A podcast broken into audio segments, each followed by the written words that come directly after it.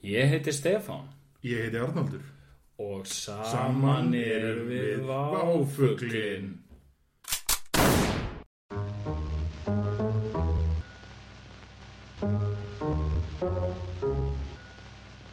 Welcome to The Vulture's Lair.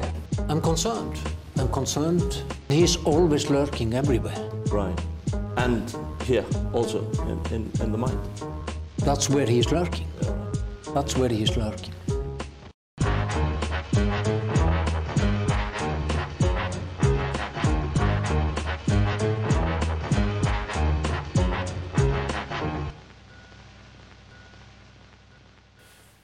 Já, velkomin í uh, nýjan Váfugl. Já, eh, velkomin. Já, við erum með hérna gest á þessu sinni. Gest Einar, Akkurát. sín okkur hvernig það gerir það. Já, nei, uh, alvöru gest. Þú þú þetta gerir mér erfitt fyrir, Já, það er bara, En- það er svona mitt hlutverk hérna. Já, ég vil... svona, við erum svona straight guy þar þú og ég er svona erfið ykkur. Já, já, já, já, akkurát. Þannig að ég ætti að taka þessu fagnandi. Já, En hérna, við... Uh, uh, ég var að ímynda mér að það hefði fugl flóðið klukkan að ég, ég var fugl. váfugl. Það flög Erum við- váfuglin um klukkan. ég ætla Váfugl. að segja. Hérna, mér langar til að kynna gest vikunar eða, já, þáttarins Júlíu Hermansdóð. Já, takk fyrir. Velkomin. Það er-. Hérna, Júlíu er enga mætt, hún ætlar að ræða við okkur um ímis menningatengt málefni en það bara mjög menningarlega sinnuð manneskja eins og við öll. Mhm. Hún er mynd með litla fingur svona á á munninum eins og maður gerir þegar Já. maður er menningarlega sinnaði. Einmitt. Mhm. Eða þegar maður er illmenni í. Íllmenni eru samt alltaf frekar menningarlega sinnaði. Já, já, algjörlega. sko, það er einmitt það sem er illt við þau, vil ég meina. Já, já. Þetta er svona ákveðu samsæri á Hollywood en það er kannski eitthvað sem við getum rætt í næsta þætti. Akkurát. En Júlia er nú svona, svo sem margt unnið sér inn til fræðar. Var mikið í fjölmiðlum nýlega fyrir ferðabann og, og, eitthvað sem vonandi höfum tækifært til að ræða frekar í þættinum. En hérna, þú erum kannski svona fyrst og fremst svona almennt þekkt fyrir tónlistarútgáfu. Já, það ekki. Ég er svona, ég er samt, myndi ég segja um þessa myndir mest fræg fyrir að hafa ekki mátt fara til Ameríku. Já, Það er rosalega mikið af fólki sem ég kannski þekki mjög lítið eða þekki ekki neitt búið að stoppa mig á svona almenningsstöðum og segja almenningssalernum og segja fyrir ekki, ert þú Júlia sem fekk ekki að fara til Ameríku? wow, geðið. Og hvað það er Það skrítið? eru eitthvað fleiri heldur en hafa verið eitthvað svona, ert þú ekki Júlia sem er söngkona? Eða, Já, já, já. Einhver svona börn á stoppaðinni í bæ og Ok, þá fáðið til að sína eitthvað stimpil í Já, vegabriðinni. sína e-mailið sem þið fegst. Og hérna, svo e-mailið, Júlia. hérna, já, ok, þá, þá er það klálega auðljóst. Við verðum að ræða þetta, hérna, eitthvað, eitthvað nánar hérna á eftir. En uh, svona, mér finnst það kannski eðlilega að ræða við þig um svona þína tónlist og eitthvað svona. Hva, nú er mjög mikið að gerast í íslensku tónlist í dag. Mhm, Við höfum mikið hérna í vákningum rætt um svona uppgang íslensku rapsennunar. mhm. Þannig að það er stöðut að koma út ný tónlist. Hva, hvernig, svona, hvernig, hvernig upplifir þú uh, tónlistarútgáfu umhverfið á Íslandi í dag? Er það ekki bara frekar erfitt eins og Alltaf. er í heiminum? Eins og alltaf og allstaðar. Já, eins og alltaf eftir að internetið var til og fólk gætt Já. farið að downloada uh, lögum. Já. Maður Ég, ímynda sér það, sko. Við höfum náttúrulega velt þessu fyrir okkur svolítið hérna. þú veist. algjörlega. Eh, sérstaklega þá í uh, samingi við eins og íslenska rapptónlist þar sem einhvern veginn svona útgáfa meikar einhvern sens lengur en samt er einhvern veginn, eða þú veist maður allan að ímynda sig það sko en síðan er þú veist einhvern veginn er samt eitt útgáfu fyrirtæki einhvern veginn svona á blaði sko sem Já. er hann Alda Alda. en þú veist mann einhvern veginn skilst sko hjá einhverjum insiders að það sé ekkert ég skilur að það sé ekkert verið að bjóða neitt þar neitt nema bara eitthvað, ég veit ekki, að þú skrifir einhvern samning og að Sölvi Blöndal fái smá pening af peningunum þínum strax verið hápolítisk umræða hérna. Já, Mér er samt alveg, mér alveg mjög líklega rétt að, þú veist, ég get ekki ímynda mér að það sé eitthvað útgáðufyrirtæki í ga- í dag sem getur búið tónlistamönnum eitthvað mikið meira, sko. Nei, nei, nei. Nei. Um, og það, já, það er bara, mér finnst bara svolítið heimsku, uh, já, svolítið heimskulegt að fólk sé almennt að fara út í það að stopna útgáðufyrirtæki, nei. Ég Ég er sátt ekki meira bara hobby eitthvað. Já, ég held það og þetta ég er náttúrulega peninga og tíma til að, Þannig að þetta er orðið meira svo góðgjara starfsemi bara. já, Já, eða svona, þú veist, ég, ég er þetta ekki bara eitthvað svona bransa dæmi, skilur. Já. Bara eitthvað, "Hey, Við erum hérna útgáfa fyrirtæki, eitthvað, þú veist, eitthvað, Já. við erum í bransanum, þú já, veist. Maður er svolítið að upplifa svona, maður sér sko tilkynningar frá öldu í mitt sem er áberandi. Já, Það var þetta svolítið eins og þið séu svona að raða myndlistu á veggina hjá sér. já, ég held það, ég Við meina. vorum að bæta þessum listamanni við Já. á veggin okkar. Sko, ég meina, Sölvi og Óli er ekkert menn sem eitthvað þurfa peninga, Nei, nei, Ég upplifði þetta með þannig sko bæði, ekki bara í tónlist heldur líka í mikið að menningastarfi að fólk svona sem er að reyna að láta eitthvað góða hluti gerast eins og gefa aðra tónlistamenn út sem það fílar og eitthvað, það er bara að gera það ekki af því það eru peningar í því það er ekki neinir peningar í neinu heldur. Það er bara, það vill svo til að það er fullt af fólki þarna út í heiminum sem að finnst gett gaman að hanga með tónlistamennum eða eitthvað. Og ég, að þú veist, ég er alveg eina þeim. Ég er bara í hljómsutum af því að við vantaði vini að, veist, það er bara svona oh shit, hvernig get ég verið alltaf að fara tónleika og þú veist hanga með þessu fólki sem ég finnst skemmtilegt já, ég fæ kannski ekki pening út úr því en þú veist mér langar já. að gera það já.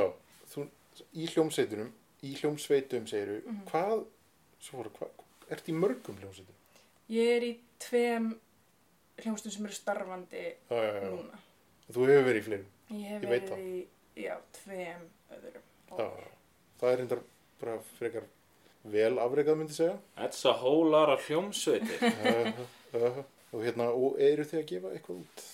Já, sko, við höfum gefið eina, eða sitt hvort hljómsdum mín hefur gefið út eina uh, plötu í fullir lengt Já, já, og önnur er að koma út hjá 12 tónum sem er svolítið svona eina eini staðin sem við getum leita til eða þú ert eitthvað svona semi-cool indie já. tónlistamæður á Íslandi í dag og hinn uh, var bara eitthvað, nei, hinn kom út hjá einhverjum breskum gaurum sem sá okkur á Airwaves og, og bara voru gett hrifnir en eru samt ekkert með eitthvað stórt batteri en, nei, nei, nei. en var bara svona leið fyrir okkur að gefa plötun okkar og ekki eða ekki eða okkar einn pening mitt, við mitt.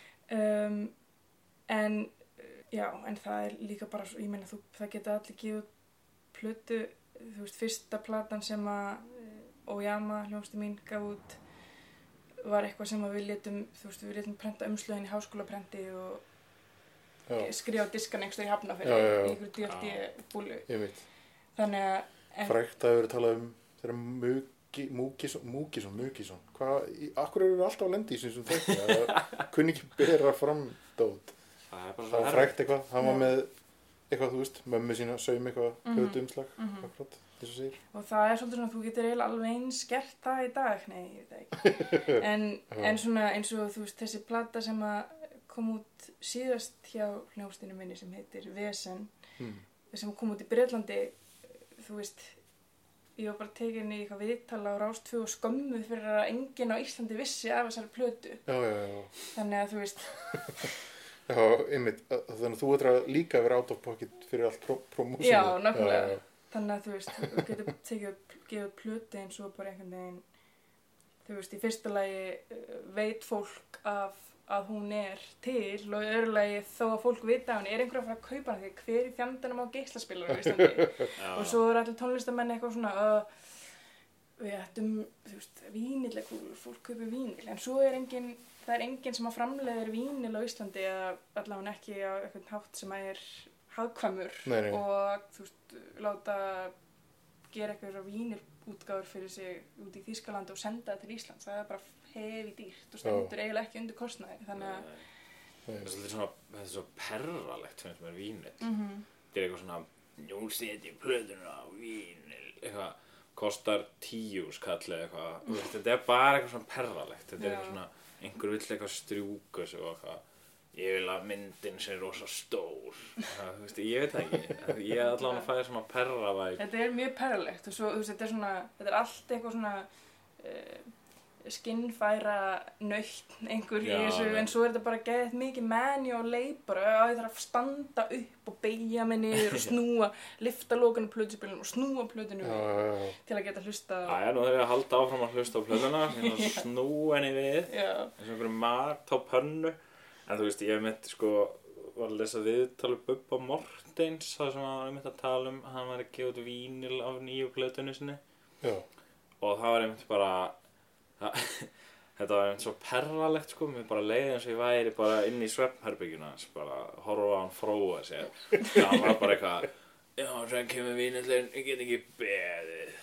Og það er svo gott að sitja og hlusta á vínil og hérna, ég veit ekki, mér, já, vínill enn og það, er náttúrulega bara svona novelty item, þú veist. Mhm, þetta er bara eitthvað svona reynda kannski eins og margt, þú veist, meiri sem orðið geisladiskur er orðið pínu novelty item, þú veist, þú ert bara að gefa þetta út til þess að, til þess að geta haldið á einhverju í Já. höndunum. já, sem allir tónlistamenn segja það, skiljur, já, sem ákvæði nú bara að setja þetta á geisladisk bara svona til að vera með eitthvað, skiljur, þú vilt eitthvað að vera í einhverju retail, skiljur, að rétta fólk hlut og, þú veist, það er rétti er eitthvað þúsund kall eða eitthvað, þú veist, á móti, eða hvað sem geisladiskar kosta, ég veit það ekki, þú veist, þetta er svona eitthvað, er eitthvað svona fólk er eitthvað komið í eitthvað svona frum eitthvað dæmi Já, en, ég meina, en það, ég, þú veist, ég tengi alveg mjög við það að vilja eiga physical objects og allt það. já, já, já.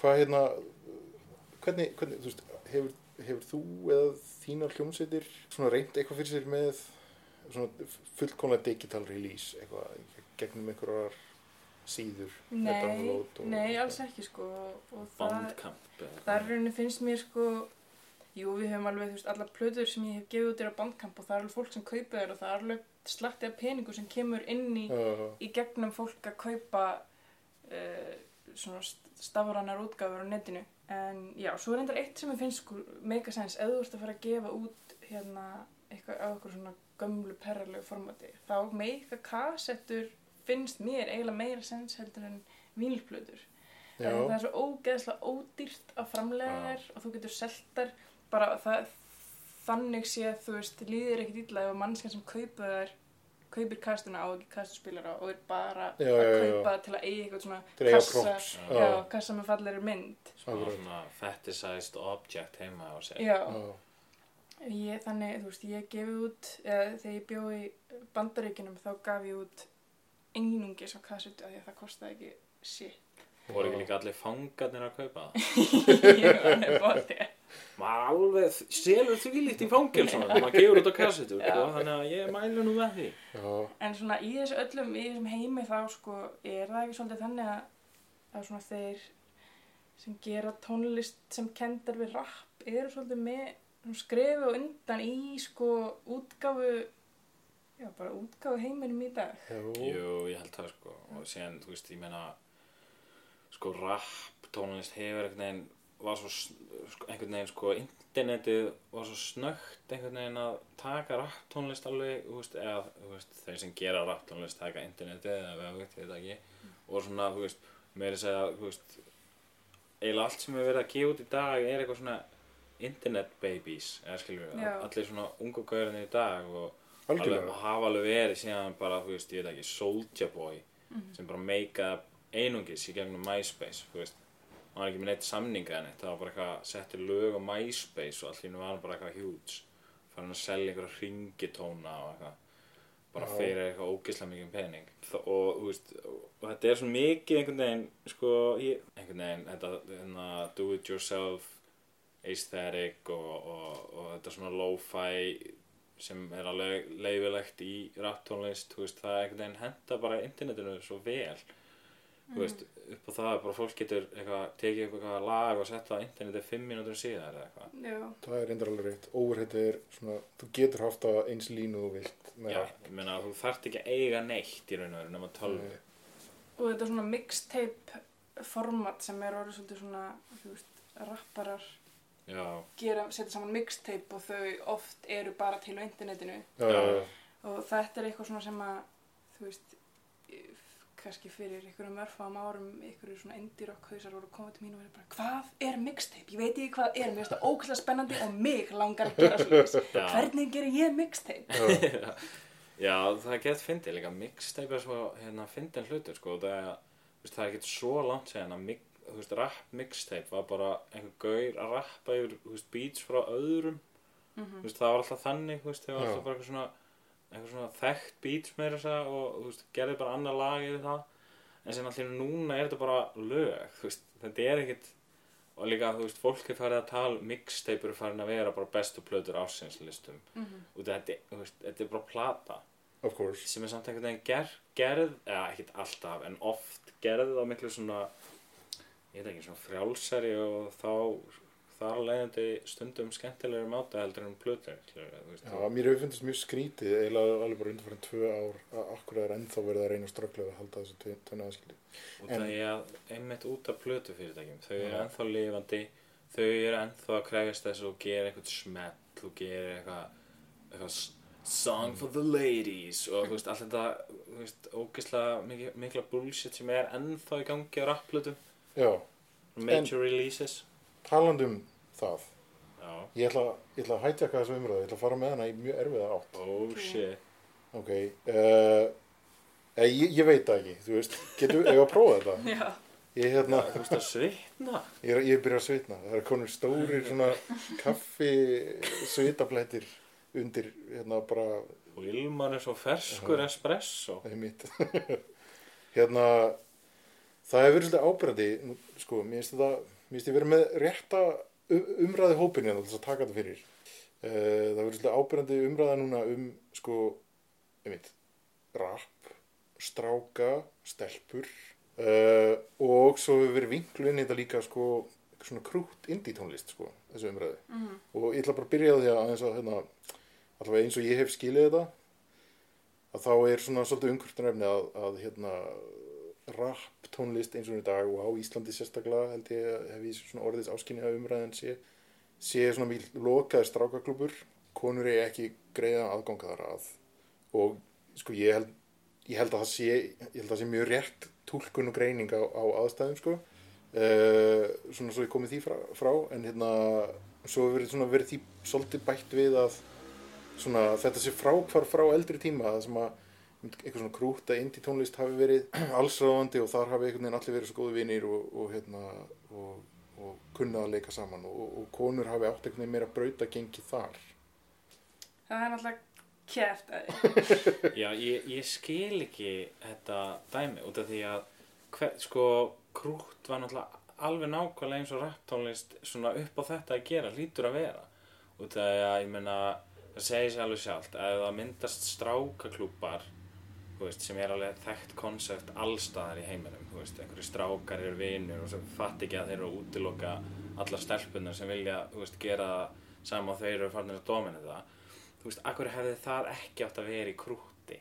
Nákvæmlega. Þú veist, uh, þú veist hvernig, hvað var öðru í var eitthvað að fólk var alltaf eitthvað með skræka rödd þá átti eitthvað meira brautagengi eitthvað kynjan á með þetta er bara, þetta meikar ekki sens. Ég held að fólk sé uh, svolítið að ruggla saman hann uh, tónlist sem að hljómar kvenlega eða svona mjú, er mjúk eða uh, krútleg eða svona, já og, og sko og því að hún sé í raun og að, að, að, þetta er miklu dýbra en það þú veist, að tónlistasinnan er ekkert uh, default þá meira opinn fyrir konur sem vilja uh, skapa tónlist uh, uh, alveg eins og það að rapp hljómi eitthvað harkalega eða macho þýðir heldur ekkert að stelpur er eitthvað erfiðara með að uh, vilja þú veist það er nú verið samt, samt svolítið svona mena, það kom upp náttúrulega veist, munum öll eftir þessu bífi hana með Reykjavík og dætur og svo framvegis. Það var eitthvað svona pínu, pínu erfitt dæmi. MC alveg feit pæling þessi umræða uh, er á algjörlega rétt á sér og um, það er, mjög, það er mjög margt í henni og það er svona ekkert eitt svar svo sem, en Nei. ég held að, en það er auðvelt að benda á þú veist, ég veit ekki, múm eða eitthvað svona já, sem eitthvað svona eitthvað svona fyrirmynd sem gekk upp. Ég veit Já, en samt, þú veist, Moon var svona tveir strákar að vera ókslega miklu nördar og gera eitthvað beats og vera eitthvað, um, fáum eitthvað cute tvíbarsystur til að Já. syngja og Já, þú veist, Já, já, já, það, það var svolítið svona, og svo eru, já, Þú veist, það voru ekkit það margar konur í grútsenninni. nei, Nei, og hún var líka bara frekar hostile hvernfólki, sko, Já, þessi já. grútsenna. Þannig að Er ekki bara, strákaklúpur. En ég held einmitt að fólk sé svolítið að svona, sér ekki alveg skógin fyrir trjánum af því að, þú veist, skóurinn er náttúrulega bara það að það er erfitt fyrir hvernfólk að koma sér framfæri í öllum tónlistastefnum, Já, algjörlega. bara í tónlist yfir höfuð. ég held bara svona, er ekki rap tónlist, það er bara svona, þú veist, maður skilur kannski einhverju leiti, það er bara svona easy target af það er svona macho, aggressive tónlistastefna og, og, og almennt, þú veist, meiri sér svona, þú veist, út í heimi og, og þar skilur eru konur ekkert rosalega ábyrjandi í tónlistastefnunni Mm þú veist og hérna og það er einhvern veginn svona verið að svolítið færa það heim til Íslands og síðan einhvern veginn svona eitthvað ég veit ekki, mér finnst þetta alltaf svo skrítin áhersla bara á rap tónlist sem slíka þó að auðvitað viðgangist vandamáli það, mm skilur, það eru augljóslega strákaklúpar í rap tónlist á Íslandi, maður sér það bara þetta er líka, þú veist, Ísland er svo lítið skilur, það er allir vinir og allt það.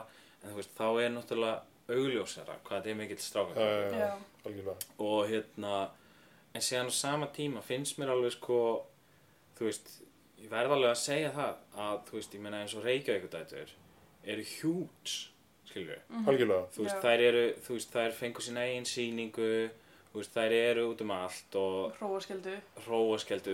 það, það er ekki margir íslenski rappar sem hafa komist svona langt eins og það er, þú veist, og sem er bara frábært og mér finnst það stundum einhvern veginn svona ekki verið tekið með þessu að, þú veist, rapp tónlist er alveg komin langt og allavega tölvöld mikið lengra heldur hún var, sérstaklega á Íslandi og sérstaklega bara, þú veist, ég meina, ef þú berði þetta saman við einhverjar aðrar tónlistastefnu, ég meina, það er kannski fleiri konur í þessari hérna tónlistastefnu en þær er ekkert svo margar.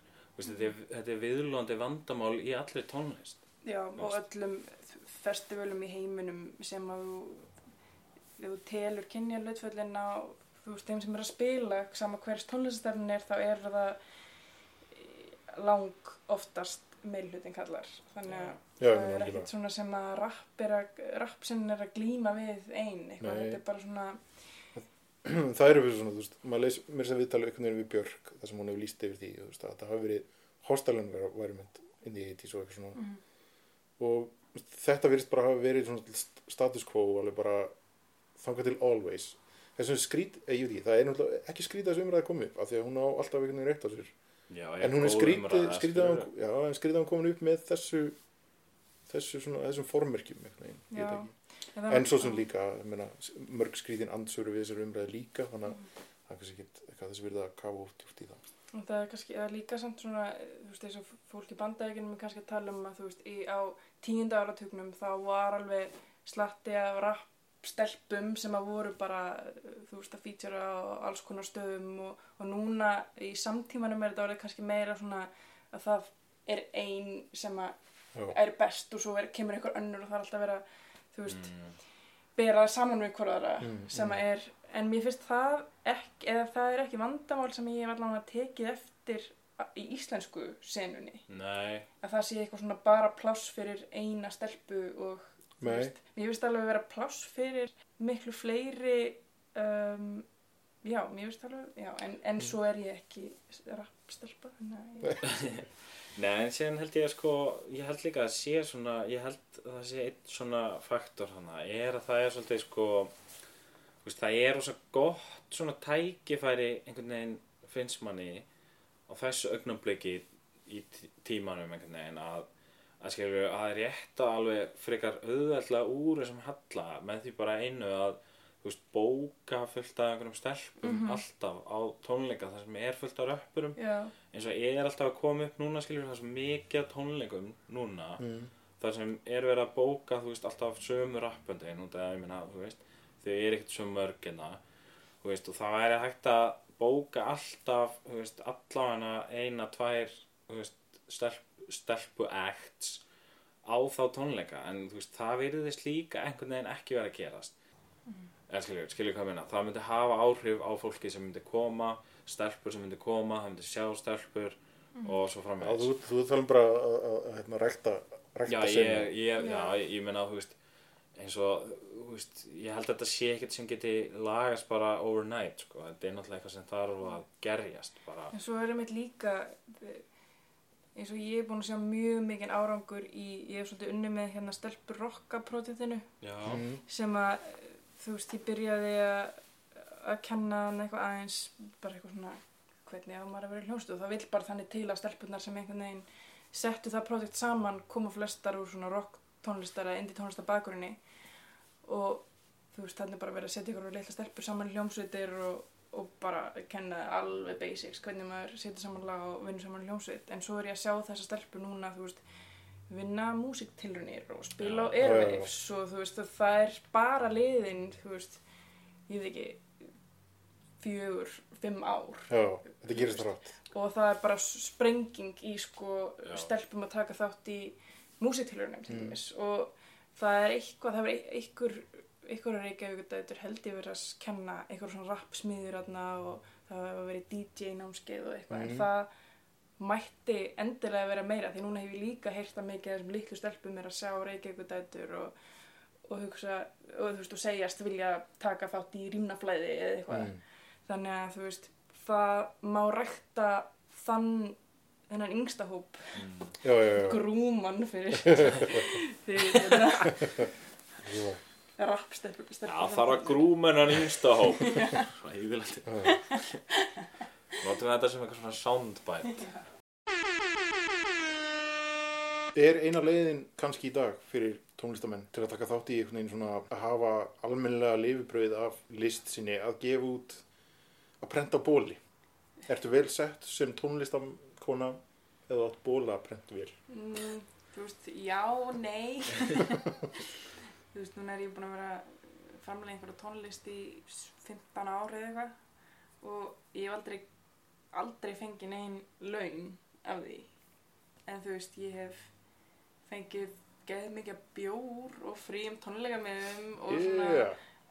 einstakar sponsa flugfar eitthvert en þú veist, jafnvel þó að maður sé duglegur að framleiða eða ef maður er svona medium sized hljó, ekki eina af þessum þrejum hljóstum á Íslandi sem að geta lifað á því Já. að vera tónlistamenn þá er maður vanlega bara að selja bóli til þess að borga fyrir upptökur eða hljóðbröndun eða hótel á einhverjum túr eða eitthvað síðast.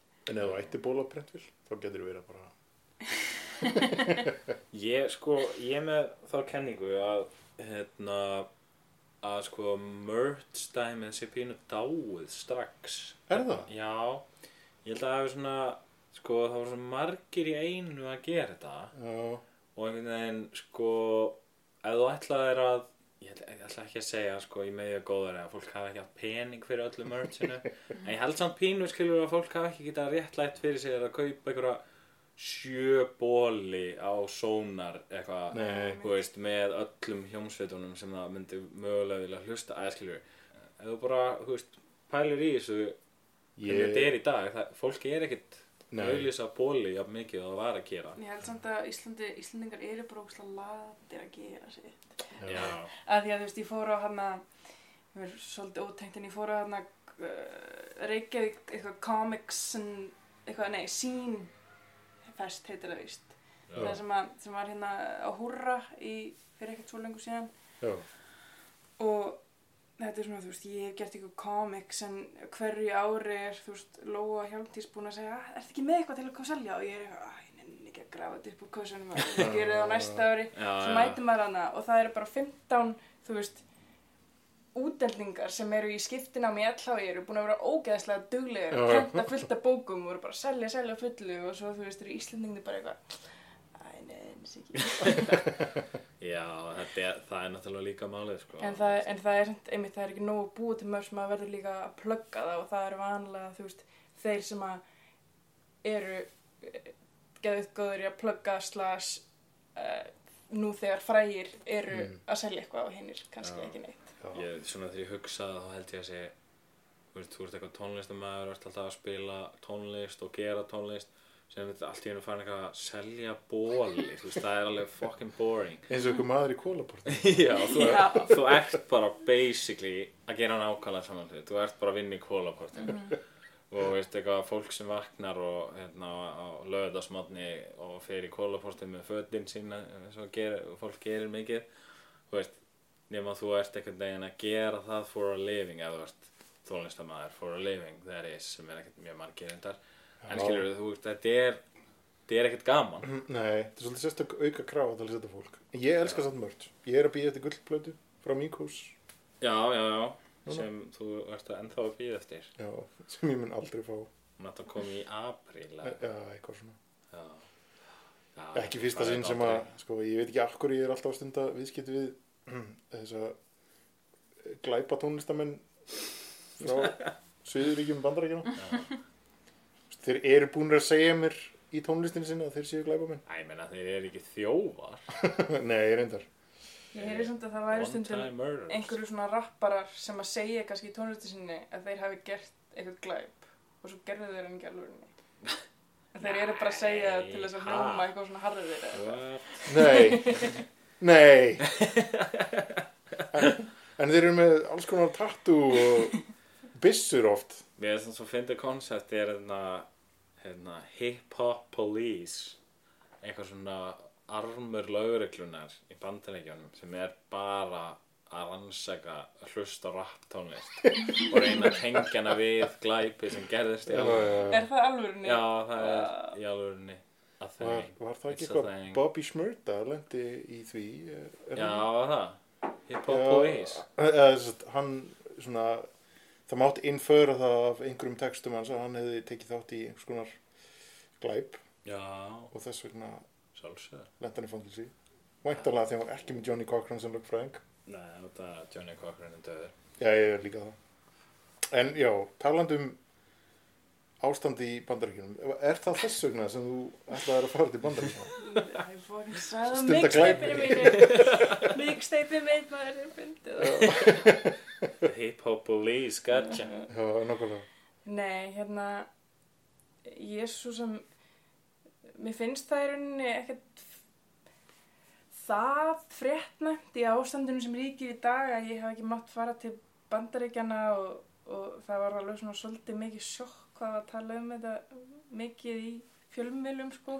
Það var, þú veist, á einhverjum svona pivotal time. Já, ekki, ég var alls emitt ég var svo mikið ekki að búast við að þetta myndi gerast í lífinu mínu en, og emitt, mér það er sjálfum sér ekkert vera það mikil frétt að ég hef ekki mátt fara til bandaríkjana af því að margir hafa ekki mátt fara til bandaríkjana undanfarið og margir eiga mjög svona erfiðari eh, sögur heldur en ég en það sem ég finnst í rauninni fréttnæmt í þessu er að ég má ekki vita af hverju ég má ekki fara til bandaríkjana Já. já, það er það sem að ég, mér finnst svolítið svona það, og það hefur ekkert verið gefin eitt meir upp um það nei, það og það er svona það, það sem að ég er alveg til í að hafa svolítið hátt yfir en Já. þá að því að þú veist þú þarft að bara píla við eitthvað, hvað heitir þetta eitthvað? Freedom of Information Act eitthvað Já. eftir 25 ár. Nákvæmlega. Bara að því að þú veist það verður svo hættulegt sko ef að bara svona alls konar starfsfólk í alls konar stöðum í einhverju systemi í bandaríkjanum getur sagt bara nei, ég ætla að segja nei og ég þarf ekki að segja þér af hverju. Já. þá geta alls konar hræðilegi hluti gerst og ég hef ekki áhyggjur af sjálfurinn mér af því að ég hef hérna mjög gott heimili á Íslandi en, er þetta alveg þannig að þú bara mátt aldrei fara er, ertu búin að fá það alveg staðfest Nei, nei, nei, það er ekki þannig. Það er, og þú veist, þó það væri þannig, það verður herra Trump ekki fórseti að eilífu, Nei. sem ég er að segja mér svona.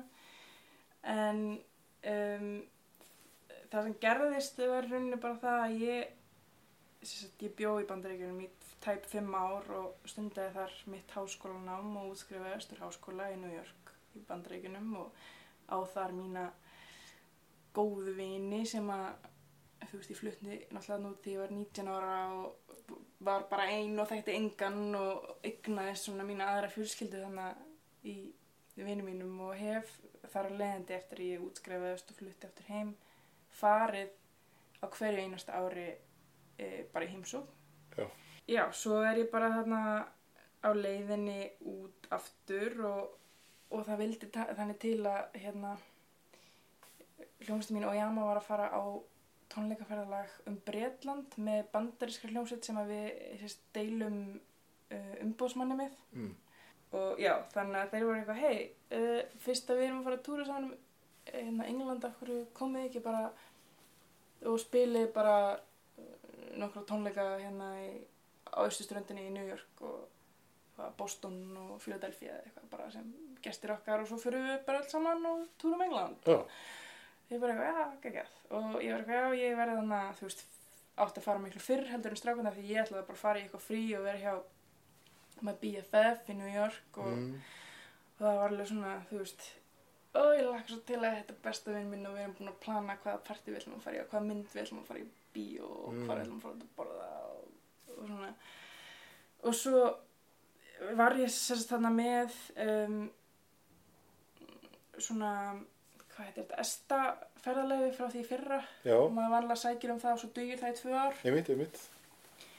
og svo bara á algjöru rælni eða bara svona af því að ég er mjög samvinsku sem manneska þá er ég eitthvað, jú ég veit að ég er með þetta ferðalegi en ég ætla bara að logga mig inn á esta síðuna og bara tjekka hvort það er ekki Já, já, og þá kemur bara your esta uh, eitthvað travel blah blah blah has been revised you are not currently allowed to travel to the USA holy smokes.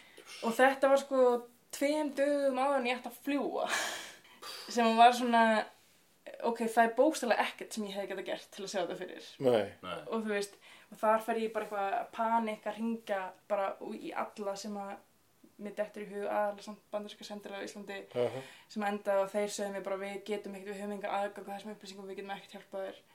Um, þú veist, það þarf að panta tíma hjá okkur og það getur tekið marga mánuð að fá tíma um, þú verður að tala við bara US Customs and Border Control og ég wow. svona heilum degi í, á byð til að fá að tala við einhvern agent hjá US Customs and Border Control það, það er ekki fara að gerast, sko. og það bara, ég náði í, gegn í lokin og það var bara jú, eitthvað hvað er, what's your passport number? Og ég sagði hann það bara, yes, correct, you are not uh, permitted to travel to US og ég var eitthvað, Jeez. why, I am not currently allowed to give up that information. Wow. og ég var eitthvað, but why? Og hann eitthvað, this is, strictly law enforcement reasons, ma'am. Og ég var eitthvað, oh, I haven't committed any crimes like ever anywhere in the world. Og hann eitthvað, ma'am, if I can't help you I'm gonna hang up the phone now. Jesus. Það er crazy. What the hell? Eða þú veist, það var sem það var svo crazy í þessu og þú veist að því að ég er alveg svona og svo náttúrulega kemur þessu fokkin fjölmiðla þú veist, fjölmiðla flóð þarna sem ég er bara eitthvað þegar ein, einhver þú veist, fréttamar frá rúf.is tringdi í mig um kvöldið þá hugsaði ég þú veist, já, já, hann skrifar eitthvað frétt um þetta og setur þetta rúf.is og enginn sér þetta og það skiptir ekki sitt Já, og svo bara daginn eftir og bara eitthvað svona all, allir núna ertu postið á einhverjum ennþá verri lista. já, og, þú, Já, já, já. og svo þá koma sko fokkin virkir kommentum og eru bara eitthvað að senda mér, ég fekk svo mikið af Facebook skilabóðum, bara póstum frá ókunnu fólki sem var annarkvort eitthvað svona random Amerikan sem bara eitthvað kærasti frængumennar er íslenskur og hann sér það þessu á Facebook og ég bara vil og vitur að ég held með þér og svo, svo fullt af Íslendingum sem voru bara eitthvað fokkin típist, þú veist, potið búin að gera fullt aður og vilt ekki við kenna það og þetta er allt þér að kenna og fokkin eitthvað bitch, þú veist. Í alvörunni? Já, bara Íslendingar sem voru bara eitthvað ó, típisk svona stelpa sem er ókslega heldur að hún eigi að fá allt upp í hendurnar og, og er búin að, þú veist, vill ekki viðkenna hún hefði fokkað upp og, þú veist Tíu vil á fólk erfitt maður. Það kemur, kemur alltaf á óvart, samt eftir maður að vita. Það er, bara, það er svo margt annað sem ég tengi ekki við. Já, og ég bara eitthvað svo, ok, ég bókstaflega þekki þig ekki neitt Þannig, Tónlistamæður, Já. hvað með International Arms Já. Dealer. veistu það, vinu minn, ha, mamma hann stóð um daginn og hann Já. mátti ekki fyrir til bandaríkina Hvað er fréttin um hann? Hann fekk enga frétt Oh fuck. Fólk heldur alltaf að fréttir sé eitthvað svona, einhver gjöf. Já. En svo setja eitthvað, ég sé þér í fréttanum. Já, nákvæmlega. algjört Bara eitthvað, Þetta er crazy. Þetta er ennþá bilaðara heldur en ég hafði haft veður af, sko. og svo náttúrulega bara eitthvað svona, bara eitthvað, þú veist, daginn sem ég átt að fljúga út bandaríkjana, bara eitthvað, hæ, vinur minn, guess what, ég er ekki að koma, cancel all our plans. Oh, damn.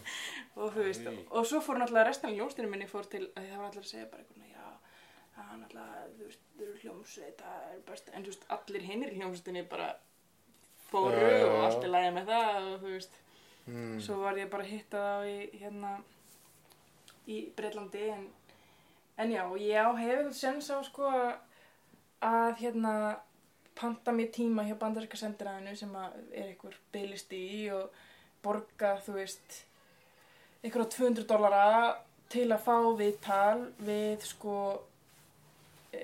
bandaríska e, ræðismann sem er í sendiræðinu og það er eitthvað svona, þú veist, 200 dollara já, what?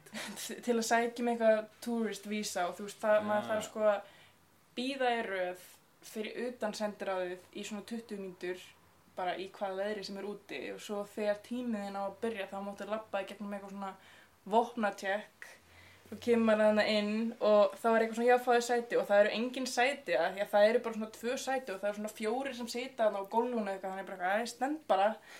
Og þá er eitthvað svona, já, ok, 20 minnum setna kemur eitthvað maður og sest hinum með skothelt gler.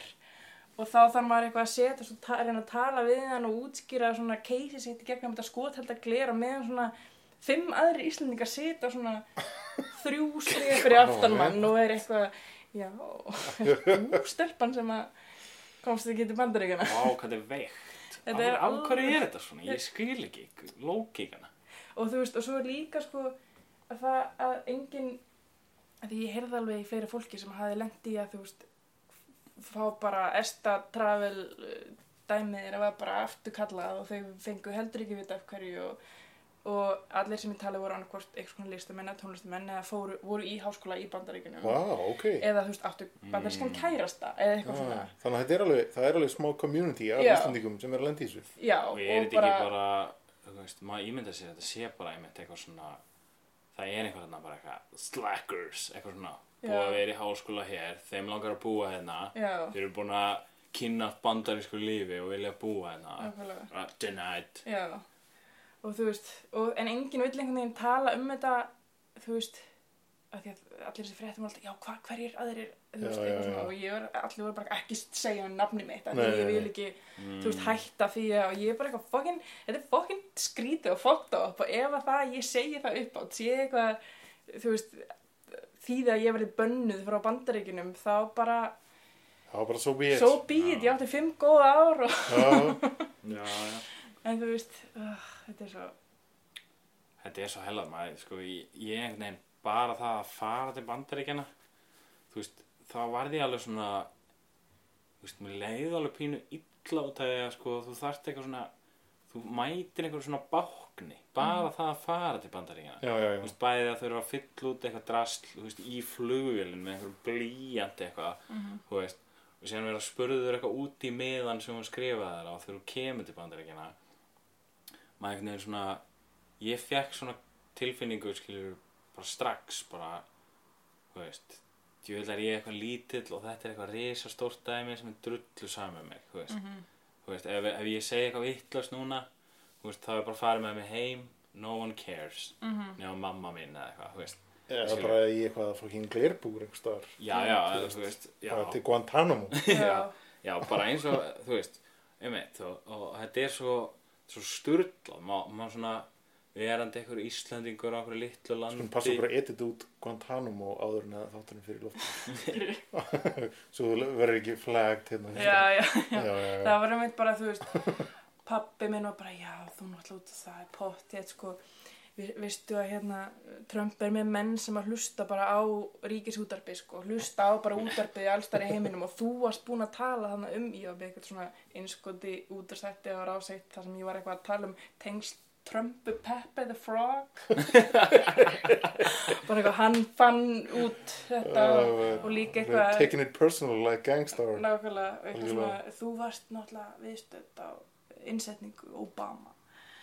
Já, og, svona, og hann er bara hann bara fann út úr því og þú bara En þú veist, ég man að maður samt ímynda sér að þetta sé alveg 100% út af því bara að þú veist með þetta, þú veist, leifi skilur já, og þeir bara skoða fólk sem er með þetta leifi, akkur er þú með þetta? Já, og þeir sjá bara eitthvað svona info um þig sem þeir svona væntalega tengja bara við eitthvað, þetta er manneska sem ætlar einhvern veginn að smigla sér til og ætlar bara, eða þú veist, ætlar að koma En potið er þetta sko, þú veist, er þetta ekki, þetta er einhver svona, þetta er einhver algoritmar, það er ekkert eitthvað fólk að Nei, nei, já, nei, ég held já. að sé póðið og Þetta er eitthvað svona, eitthvað, þetta er, þetta er svona, þú veist, eins og þú ert að taka út auglýsing á Facebook eða eitthvað. Það er eitthvað svona female, eitthvað Iceland, já, eitthvað hefur verið hérna svona lengi, blip, og þá lendur þú í svona mengi, þú veist. einmitt og ég hef líka heyrt sko bæði með þessu ferðabanni hérna sem að Trump settast að sem var svo dreig tilbaka Já, og þú veist, þá hafi, það hafi fokkað upp eitthvað algoritmunum og jafnvel þó það Já. hefur dreig tilbaka það Já, hafi eitthvað já, orðið já, já. eftir í, þú veist, Já, bara, já, já. og líka sko að hann vilji draga bandaríkjan almennt út úr þessu esta ferðarkerfi Já. sem myndi náttúrulega bara vera hell ef að þú veist allir sem vildi ferðast til bandaríkjan þurfti að fara í einhverja röð fyrir utan sendir að því sínu landi já, já, já. þú veist það myndi ekkert, það myndi aldrei ganga upp Nei. Nei, það er náttúrulega myndi bara enginn fara og já, Sérna núna með þess að hérna, sá ég um daginn við að tala um að það verið tjekkað á þú þurfur að gefa upp sem sagt usernameið þitt eða sem sagt Mhm. bara nafnið þitt á social media þannig að þú veist þið getur farið bara skoða timelineið þitt á Já, já, já. Twitter og eitthvað svona veit. veist, og ég meina þú veist, þú kemur að einhver Íslandingur tvíta bara á íslensku þú veist, það er enginn að fara að skoða þetta held ég eitthvað Mhm. eitthvað að setja þetta under a microscope en bara það sem beðið um þetta Já, já, já. er skilur deterrent, þú veist, þú ert bara eitthvað fuck það maður, ég ætla ekki, ég, ég ætla ekki eins og að fara já, Já, ég held að það sé akkurat málið sko. Justice Warrior 246, eitthvað. Ég, ég ætla ekki að gefa sjálfa mig fram. ég er samt í rauninni fegin að ég bara sá þetta einhvern veginn áður en ég laði að stað því að svo er eitthvað Já, já, já. þú veist, Svo þú hafið sloppið við glerbúrið á JFK. einmitt, einhver írsk, þú veist, friend of a friend sem að á bandarskan kærasta og var bara, þú veist, detained og sent heim þegar hann kom til bandaríka af því hann hafði farið of oft í heimsókn og þeim fannst það grumsandi Já, það er mad spooky og En síðan náttúrulega var, var náttúrulega mál hann sem fór nú ekki jafn hátt og þitt mál þegar Icebody var sendt heim frá bandaríkjunum. Nei, Munið ekki eftir því? nei, var það hún, þannig? hún og kærastinn hennar þáverandi eða núverandi eitthvað, I don't know. Allavega þáverandi. Uh, hann er bandarískur sem sagt, hálfur, hálfur bandarískur. Ok, Þau voru að fara í frí til LA eða Kaliforníu eða eitthvað og hérna og hún var spurðið að þessari spurningu bara eitthvað, þú veist hérna, ertu komin hingað til að fá vinnu, að leita vinnu? Eitthvað, þú veist, þessar leiðandi Já, já. spurningar um sko, að reyna að finna út hvort þú ert að fara reyna eitthvað að setja stað.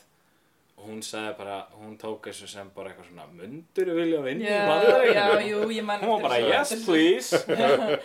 Já, ég I would love that. Já, það væri frábært. Þannig að hún var bara give sett yourself í up. Já, hún var bara eitthvað keirð bara í játnum á eitthvað mótel Já, sem hún bara eitthvað verðir fyrir utan hurðina og sem hún bara skuttlaði upp í næsta flugul og heim. Fucking bilað, sko. Síðan er En þetta nú- svipað á Íslandi, sko. Já, já, já, þetta er náttúrulega alveg, þú veist, já, maður gleymir því náttúrulega í þessu umræða, þetta er náttúrulega mögulega ennþá klikkaðara hérna á Íslandi. Já, nema að þú veist, Já, þú á Íslandi er náttúrulega samt aðalega verið að targeta fólk frá ákveðnum löndum. Já, já, ég mitt. þú veist, sem er einhver listi sem er veist, ég held að hann sé nú ekkert eitthvað ofinber þessi lönd tjekku við á. Þessi svona meira bara eitthvað sem svona óformlegt en þú veist, það eru öll lönd sem eru fátæk. Mm það er bara ef þú Það kemur sem fólk er öðruvísi á lítinn. já, sérstaklega þar. Og hérna að maður svona hefur uh, vinnu minn sem sagt uh, En það er eitthvað svona, eitthvað liði í glerkors sem að tjekka á sig. Það sem ég hef áhuga á hérna er, er, er, þú veist, hvernig einhver svona tölvu algoritmar er farin að stjórna increasingly einhver svona eins og, eins og, þú veist, ferðarfrelsi fólk, sko. Já, já, já sko, Af því að við vitum það öll hérna hvað, hérna, þú veist, hvað þetta er ennþá frekar lélegt shit, sko. já, ég mitt eða mjög miklum tíma að hugsa um hvað það er langt í það í rauninni að það verði gerð svona alveg solid gerfugrind sem að Já. Tekið svona human ákvarðanir um hluti eins og þetta. Já, Já, sérstaklega Sko- þarna, þú veist, ég held skilur að algoritminn þarna sérinn og er ekki shitty út af því að, þú veist, heldur það? já, hann er shitty, en þú veist, þeir sem... Þú heldur það sé betri heldur en marketing algoritmin á Facebook? Nei, það sem ég er að segja er skilur að þeir sem setja algoritmann þarna Já, vilja hann virki svona. Já, já, já, já þú meina, hann er bara að gera það sem hann á að gera. Já, þeir vilja ekki hafa einhvern algoritma sem er eitthvað eitthvað fair, eitthvað, sé einhver eitthvað, Mér eitthvað finnst það bara svo styrlu tilhugsun sko að eitthvað svona sama, sama fyrirbæri og sýni mér bóli með afmælisteginu mínum Já, á Facebook sé að stjórna því hvort ég megi fara til útlanda eða ekki. Ég held samt sko að það er einhver algoritmi sem flaggar þig og sen er einmitt einhver svona mam agent sem svona ítir nokkuð takk og er ekki með neitt hjarta og skilur að það er löngu farið og hann sér bara einhver nöfn á einhver blaði. Já, eða í tölvu.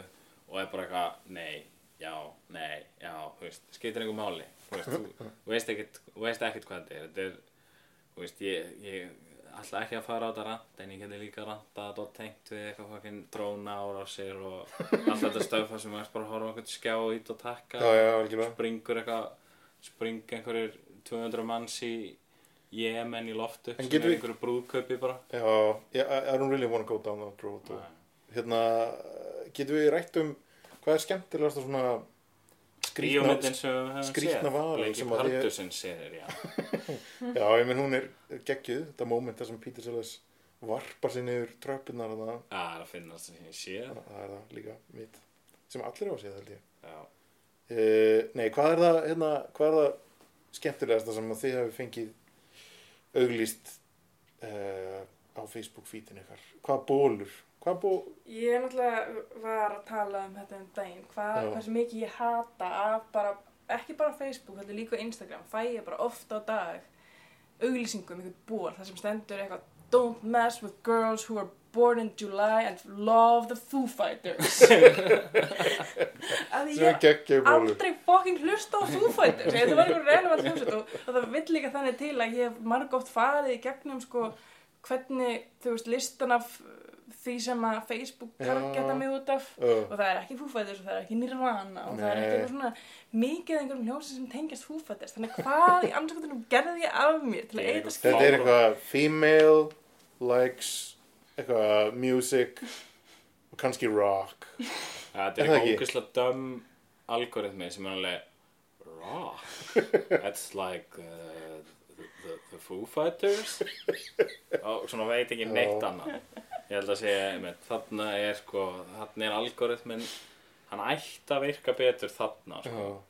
Hann, hann er ekki eins og hérna, hinn algoritmin eða sami algoritmin, I don't know sem stjórnar hvort þú með komin í landi sko, það sem hann er gegn Jú, ég held að það sé sami er segja. Og sami algoritmi, sko, bólinn sem ég fekk og fæ stundum er eitthvað True heroes are born in March og það mynda Jordan, sko, Já, á bólunum sem að er ekki fættur í mars hann er fættur í februar Já, ég meina það skiptir einhver máli. Þú ert fættur um mars og Jordan er eitthvað sem þér finnst cool. Já, veist, Þetta er perfect shirt for you.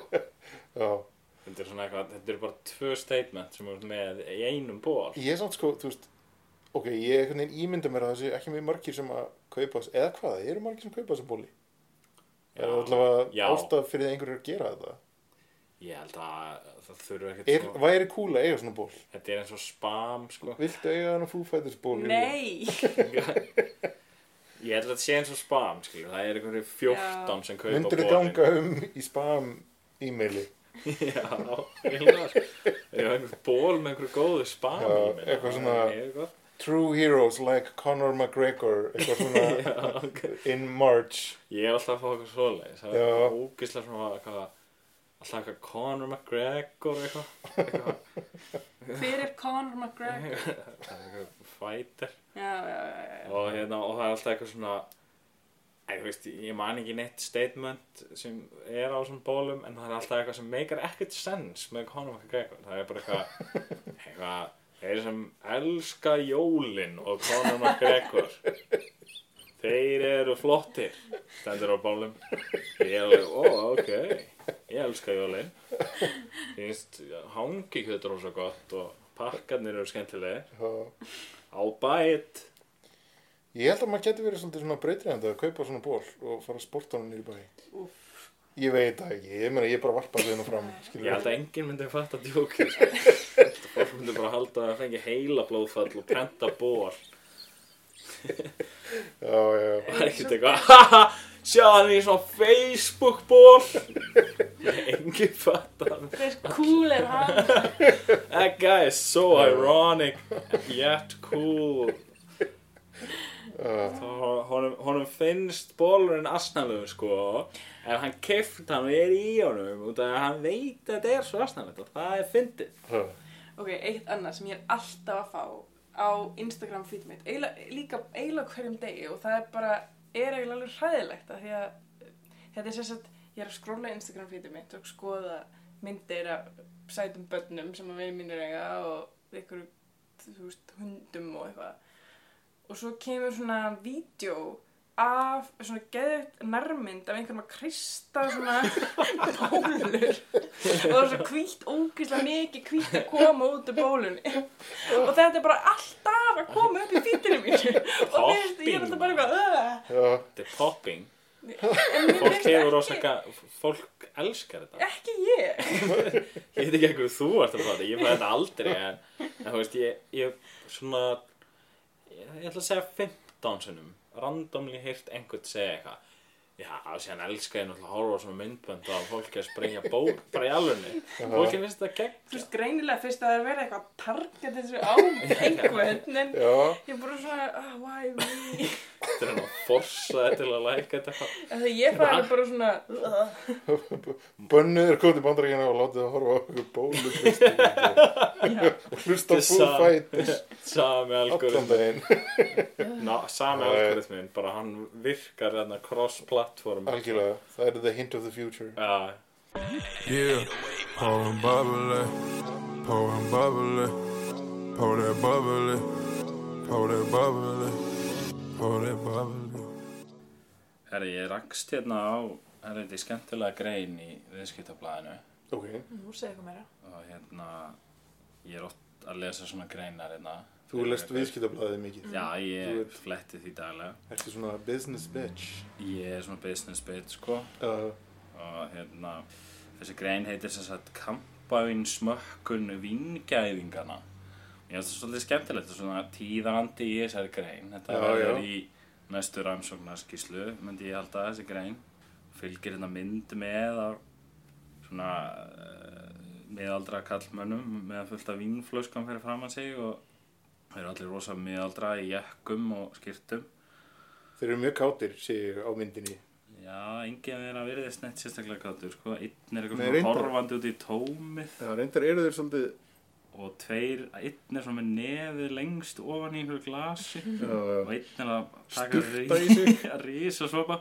Einn sem er svona hella, hann svona, ég myndi ekki segja að hann er kátur en hann svona, það virkar svona eins og aðeins sem að geta að pródúsera þennan event sko. já, leiklega, sko. Og séðan er hérna mjög meðaldra svona algjör prumpukallin að opna einhverja flösku með gleru á nefinu. ok, ok. Og hérna og það er svona intro að þessa grein svolítið að segja að Cristal 2009 frá Louise Roderer er besta kampæðinni að mati vingæðinga viðskiptablaðsins. Ok, mér finnst mjög gott að það sé einhverjir vingæðingar á viðskiptablaðinu mér finnst það svolítið svona og alveg bara margir greinlega líka. Já, já, Já. ég myndi halda að það væri bara þessi menn sem eru akkurat þarna með þessar 20 flöskurinn þessi fram að sig. Og hérna nú hefst lesturinn. Fá vín eru markaðsett með viðlíka hætti og kampavín frá samnefndu héræði Champagne í Fraklandi markaðsetningin hefur verið getur verið yfirblásin og í engu samhengi við innihaldið Engu að síður má fullera að engin vín undirgangi viðlíka framleiðsluferli og kampavín. Skildur þú eitthvað í þessu? setningu? Ég veit ekkert hvað hann er að reyna að segja þarna. Ok. Segja má að kampavín sé eina víntegundin sem hefur einhverja samfélagslega meiningu, tengt hátíðabyrðum, góðum árangri og sigurum. Þannig er kampavín einnig það sem hagfræðingar kalla lagging indicator og breyting á sölumagni, ávísun og hagsæld eða niðursveiflu. Ok, þetta er geggjað, þetta er lacking indicator comment. Þetta, Hann var svona, hann var svona, get æst, yes, nú get ég að plæja þenni eitthvað hagfræð hugdag. Ég lærði í, í HÍ, hagfræðdildin í HÍ fyrir nokkrum árum. og hann líka, ég elska hvað hann, hann, er svona, hann er svo mikið að rembast við að koma sér inn með þessum ógislega konvolútið og skrýtna ingangi sem enginn skilur hvað því er. Síðan kemur hérna það sem hann í raun og veru vildi segja.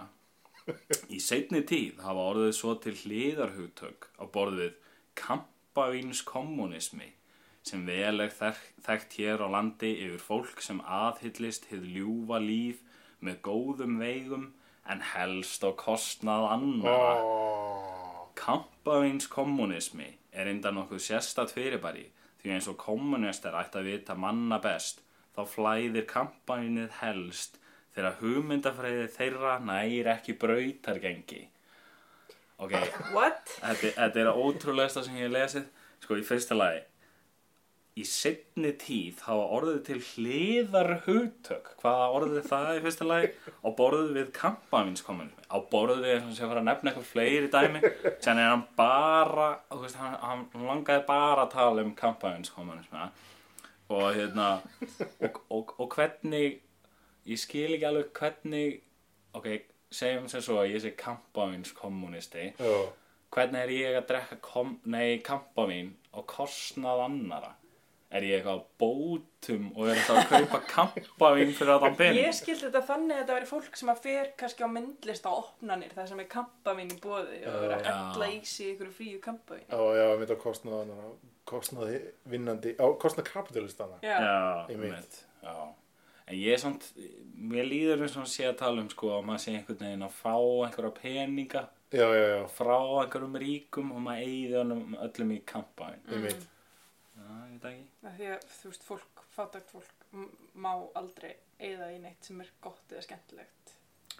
Alls ekki. En síðan skilur kemur restina greininni Ok. sem er sko bara um kampavín Já.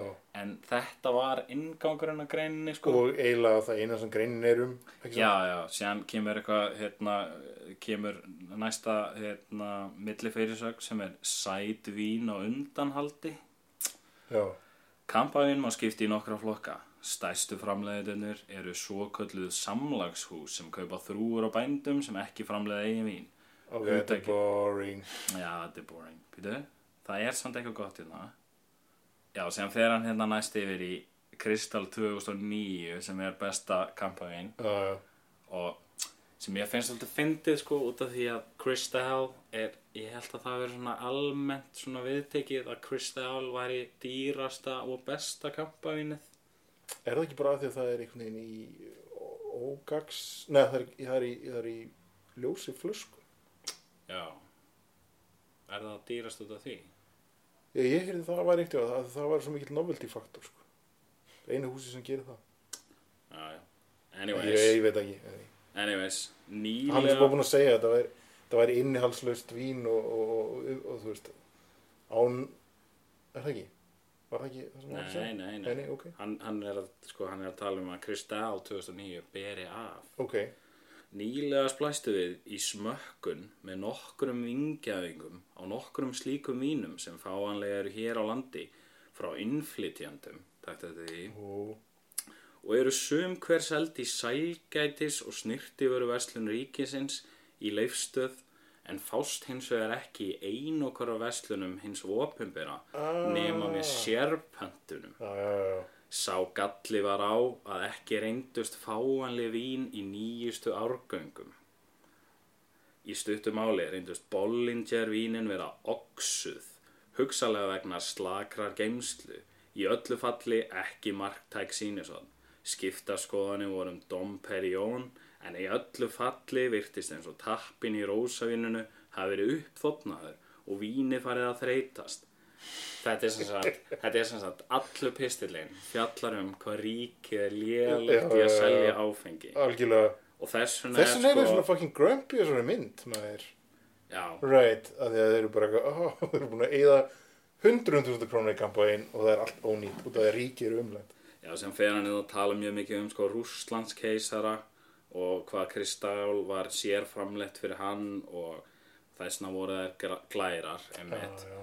Og hérna og það er sem sagt og þetta er svo bourgeois vín sko.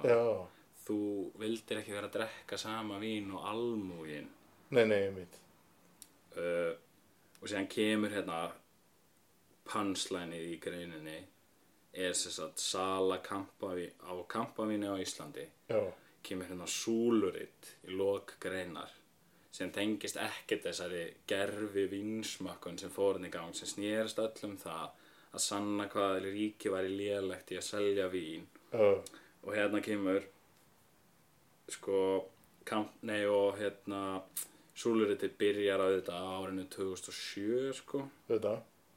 og þar seljast tæpar 70.000 flöskur. Sem er ótrúlegt.